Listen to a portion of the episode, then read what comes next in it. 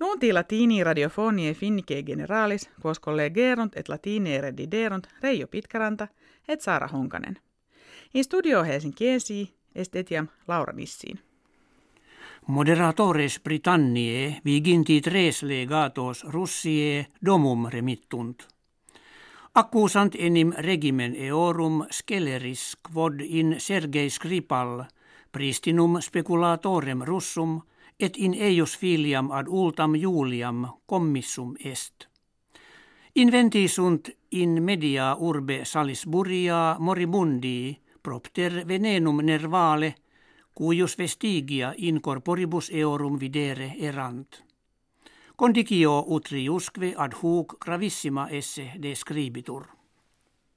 Donald Trump, presidens civitatum Americae unitarum, ministrum a rebus exteris Rex Tillerson a magistratua movit, cum merita eius erga patriam laudaret.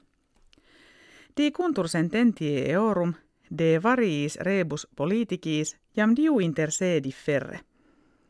In locum eius succedit Mike Pompeo, prefectus sedis rei exploratorie.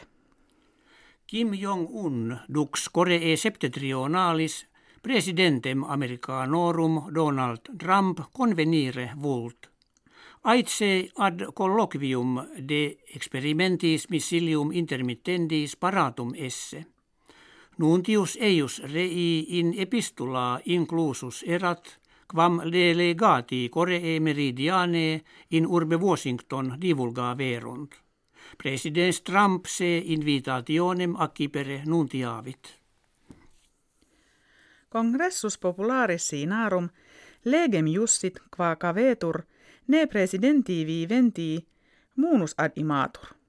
Quecum ita sint, nihiliam obstat quin Xi Jinping dux hodiernus civitati per totam vitam presit.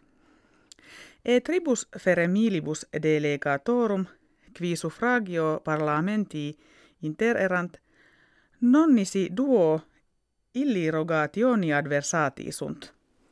Stephen Hawking, physicus et cosmologus celeberrimus Britannus, diem supremum ob iit septuaginta sex annos natus – Per multos annos morbo amyotrofico laborabat, quam obrem se movere non poterat.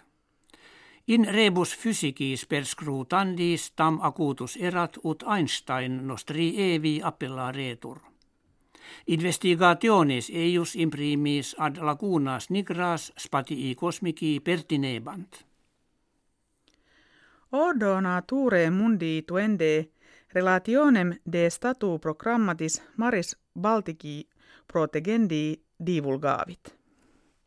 Investigatum est quomodo diverse nationes accole maris luxuriationem et pollutionem avertissent et biodiversitatem fovissent. In comparatione primum locum obtinuit Svetia, quam secuta est Finlandia. Experti autem dicunt rationes nationum nondum sufficere ad mare servandum.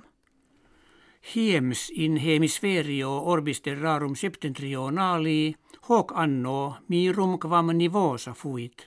Annis proxime preteritis copia nivium in regionibus arctois multum variavit, ut patet e mensionibus instituti meteorologici Finlandiae.